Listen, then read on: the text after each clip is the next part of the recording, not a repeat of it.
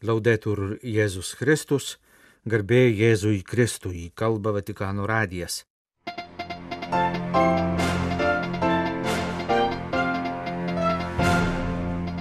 Paskelbta popiežiaus maldos intencija gruodžio mėnesiui. Pranciškus prašo melstis už žmonės su negale. Popiežiaus vadovausimų kalėdų laikotarpio pamaldų tvarka. Teisinės valstybės principas turi būti taikomas be jokių išimčių, rašo popiežius Italijos užsienio reikalų ministerijoje surinkto tarptautinio susitikimo dalyviams. Maltoje vyksta Europos vyskupų konferencijų tarybos sesija prasidėjusi Vilniaus arkivyskupo Gintaro Grušo įvadiniu pranešimu. Popiežius Pranciškus prašo gruodžio mėnesį kartu su juo melstis už žmonės su negale. Entre los más frágiles entre nosotros están las personas con discapacidad. Vieni iš pažeidžiamiausių jų yra žmonės su negale. Kai kurie iš šių žmonių atstumiami dėl jų padėties neišmanimo ar dėl iš ankstinių nuostatų. Pilietinės institucijos turi juos remti, suteikdamos galimybę mokytis, įsidarbinti ir reikšti savo kūrybiškumą. Reikia programų ir iniciatyvų, kurios skatintų įtraukti. Tačiau svarbiausia, reikia mylinčių širdžių, kurios norėtų juos palydėti. Reikia šiek tiek pakeisti mūsų mąstyseną kad sugebėtume vertinti šių skirtingus gebėjimus turinčių žmonių indėlį ir talentus tiek visuomenės, tiek bažnyčios gyvenime.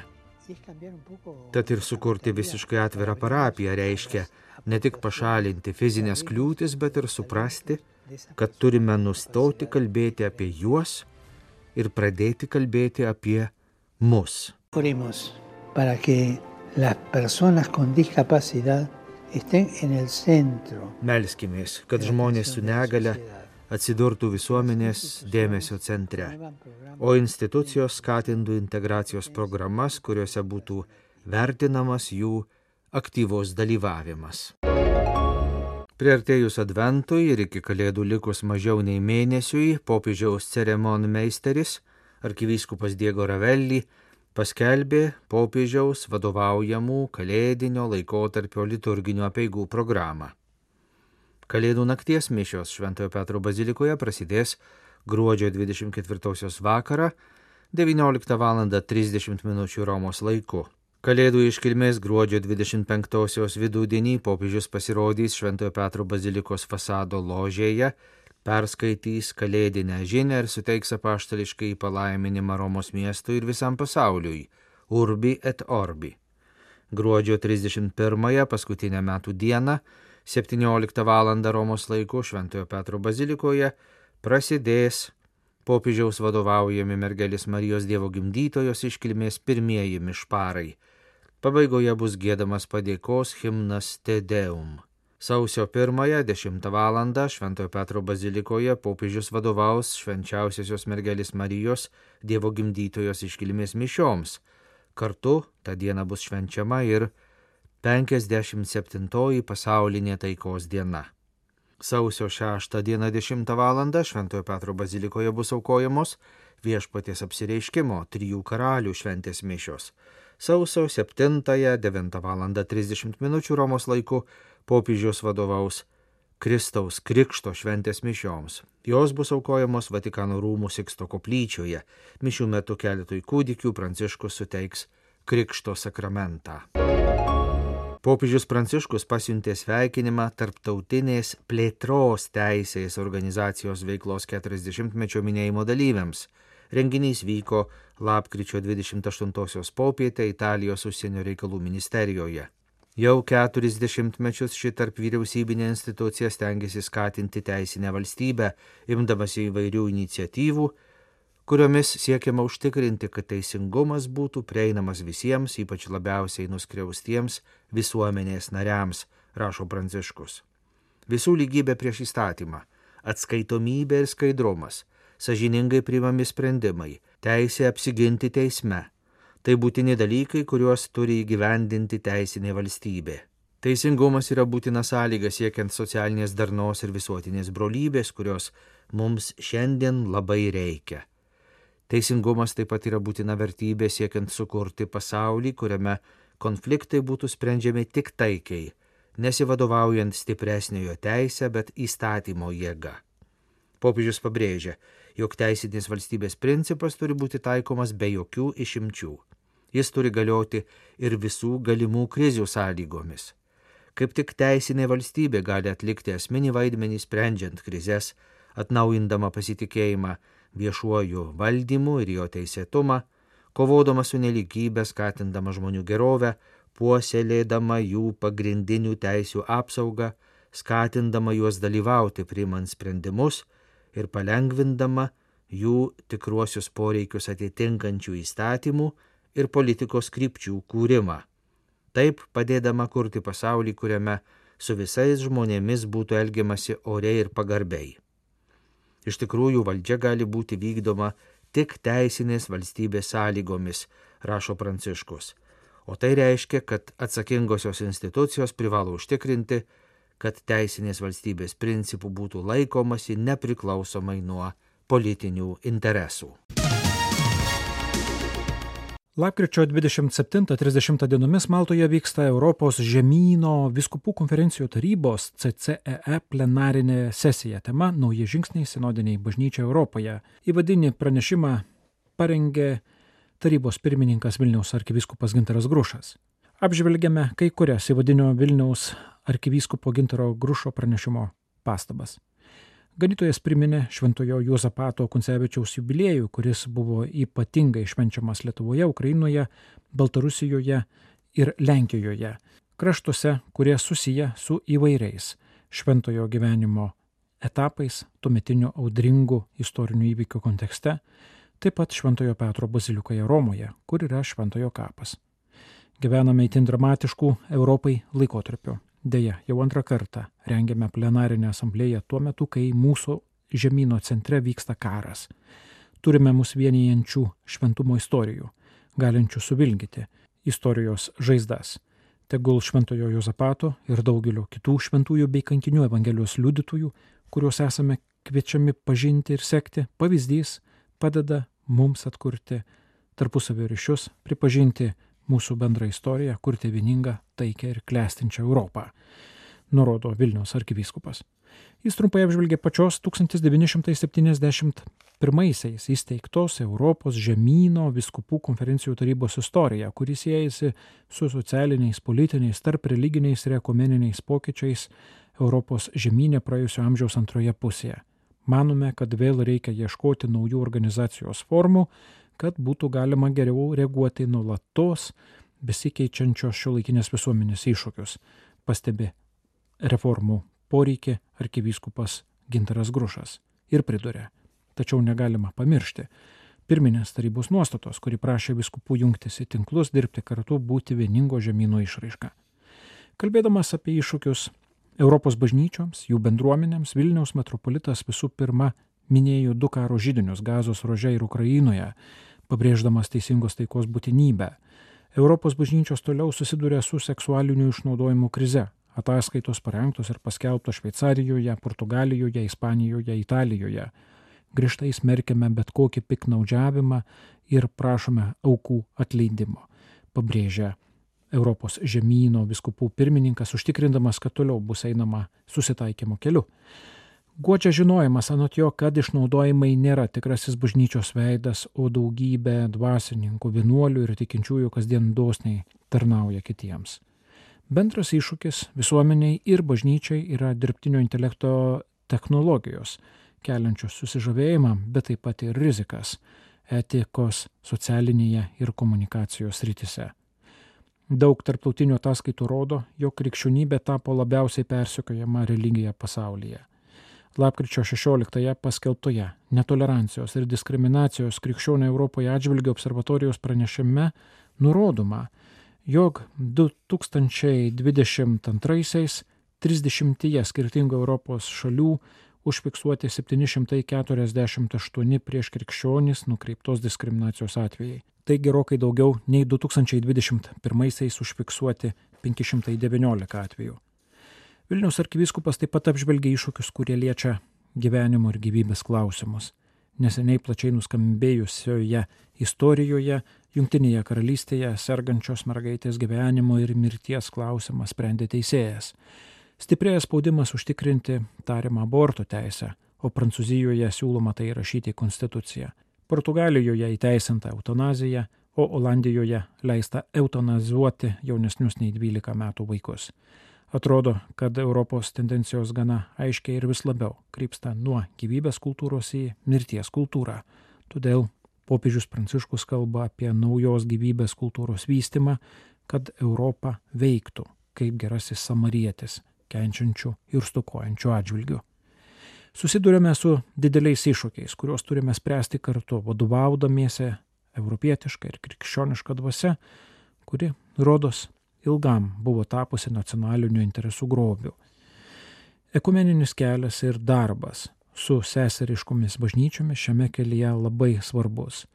Šiandien labiau nei bet kada esame įsitikinę, jog krikščioniškoji vizija iš tiesų gali prisidėti prie tikros meilės civilizacijos kūrimo, pastebima Vilniaus arkivyskupo Gintaro Grušo įvadinėme Europos žemynų viskupų plenarinės sesijos pranešime. Jūs klausotės Vatikano radijo. Trečiadienį, lapkričio 29-ąją, sukanka popiežiaus bulės, oficialiai pripažinusios mažesniųjų brolių ordiną, populiariai pagal savo plačiai žinomą steigėją vadinamus pranciškonais 900-osios metinės. Popiežiaus Honorijaus III 12 punktų bulė Solet Anuere 1223 metais užbaigė ordino daugiau kaip dešimtmetį dėtas pastangas išgauti raštišką popiežiaus pripažinimą po to, kai ankstesnis popiežius Inocentas III 1209 ar 10 metais audiencijoje šventajam Pranciškui Asižiečiui ir 12 mažesniųjų brolių suteikė tik žodinį pritarimą evangelinio gyvenimo regulai, kuri jam buvo pristatyta. 23 punktų regula surašyta pirmosiose pranciškonų generalinėse kapituluose laikoma neoficialia, nes nebuvo pristatyta popiežiui, nei jo kanoniškai patvirtinta. Nors ordino steigėjas Šventasis Pranciškus atsisakė vyresniojo pareigų, jis toliau dėjo pastangas gauti popiežiaus bulę. Oficialus ordino pripažinimas popiežiaus bule įvyko užtariant artimam šventojo pranciškaus draugui kunigaikščiui Ugoliniui, kardinolu tapusiam popidžiaus Inocento III sūnėnui. Pastarasis, prašant pranciškui, neatsitiktinai tapo pirmuoju oficialiu ordino globėjų, steigėjui padėjęs redaguoti minėtąją trečiąją, Honorijaus trečiojo bule oficialiai pripažinta ordino regula. Apie šias ir kitas ordino pripažinimo peripetijas užsimenama popiežiaus Grigaliaus IX 1230 metų bulėje Quo elongati apie Šventojo Pranciškaus testamento juridinį galiojimą. Beje, pranciškonams labai palankus popiežius Grigalius IX yra tas pats kardinolas Ugolinis, tapęs popiežiaus Honorijaus III prieš 900 metų paskelbtos ir tebegaliojančios bulės Solet Anuere įpidiniu. Jis taip pat buvo tas, kuris Pranciškų 1228 metais paskelbė šventuoju. Iš pasaulio perspektyvos bažnyčia silpna, nes neturi ginklų, tačiau turi žodį, kuris yra Jėzus. Dabartiniais sunkiais laikais turime atpažinti, ką pasakyti, kad būtume šviesa tamsoje, pažymėjo Jeruzalės lotynų patriarchas pasturacinio vizito Kipre metu. Kardinolas Pier Batista Pizzaballa Kipre lapkričio 17-19 dienomis aplankė vietos katalikų bendruomenę, susitiko su graikų ortodoksų arkivyskupu Kipro prezidentu, kitais valdžios atstovais ir Kipre reziduojančiais diplomatais. Italų kilmės patriarchas, kuris daugiau kaip 35 metus gyvena šventojoje žemėje, patikino, kad Kipras svarbus Jeruzalės katalikų diecezijai. Anot jo Kipras dėl gerų santykių tarp skirtingų konfesijų gyventojų gali būti pavyzdys artimiesiems rytams ir Europai. Paminėjęs Kipro statusą, Pier Batista Pizzaballa sakė, jog nepaisant padalymo, Kipro nusistatymas pozityvesnis nei kitų kraštų patriarchas atkreipė Kipro katalikų dėmesį į Jeruzalės miesto svarbą krikščioniškam tikėjimui, ragino atjausti kitus atviromis širdimis ir būti kaip durys, pro kurias sklinda tikėjimo šviesa kitiems. Dabartinę padėtį Jeruzalėje patriarchas pavadino dramatiškiausia nuo tada, kai jis ten gyvena, tarp skirtingų tautų atsivėrė gilios žaizdos. Anot Jeruzalės lotynų patriarcho, bažnyčiai daug darbo, nes reikia užgydyti pastarojo laikotarpio neramumų atvertas žaizdas. Mūsų darbas bus vaisingas, jei su kitais dalysimės gautomis malonėmis ir tapsime mirti nugalinčią šviesą, darbuokimės be baimės, nes baimė yra mirties šešėlis, pažymėjo kardinolas Pier Batista Pizza Balla, Jeruzalės lotynų katalikų patriarchas. Po Pekino vyskupo Lišano istorinio vizito Hongkonge jėzuitas kardinolas Stevenas Chow, Hongkongo vyskupas, išreiškė viltį, kad išauš diena, kai visi broliai ir seserys kinai galės kartu melstis vienoje vietoje. Vyskupas Stevenas Čiau kalbėjo lapkričio 15 dieną po šventųjų mišių, kurios užbaigė Pekino vyskupo trijų dienų vizitą ir kurias su svečiu iš kontinentinės Kinijos koncelebravo keli kiti vyskupai. Pekino vyskupas Lyšanas išsakė dėkingumą už suteiktą progą aplankyti Hongkongo Šventojios dvasios mokymo centrą, kunigų seminariją, Karitas centrą, ir dalyvauti teologinėje konferencijoje Sinodinė bažnyčia ir bažnyčia Kinijoje. Pekino vyskupas Hongkongo katalikų savaitraščiui išreiškė viltį, kad bažnyčia Kinijoje, vedama šventosios dvasios, bažnyčios bendrystės dvasios ir kruopštaus Dievo tautos išvalgumo, galės siekti, kad evangelizavimo darbas ir dvasingumas labiau susijėtų su kinų kultūra, bažnytinių tiltų tarp Pekino ir Hongkongo tiesimo pradininkas kardinolas Stevenas Chow pažymėjo, kad bažnyčia yra bendrystės ir kinų tautos bažnyčia. Ji su dėkingumu prašė, kad viešpats Jėzus Kristus laimintų kinų širdis ir jų dedamas pastangas. Steveno Chow vadovaujama Hongkongo vyskupijos delegacija šių metų balandžio mėnesį lankėsi Pekino vyskupijoje. Svečias su vietos vyskupu koncelebravo Pekino katedroje ir su Pekino katalikų bendruomenė meldė garbingai į Dievo tarną jėzuitą tėvą Matėjo Ryčį, Kinijos apaštalą, kad užtartų misionieriško uolumo atgimimą Kinijoje.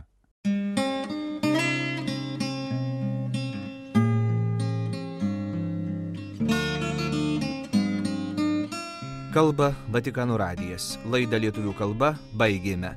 Garbėjai Jėzui Kristui, laudetur Jėzus Kristus.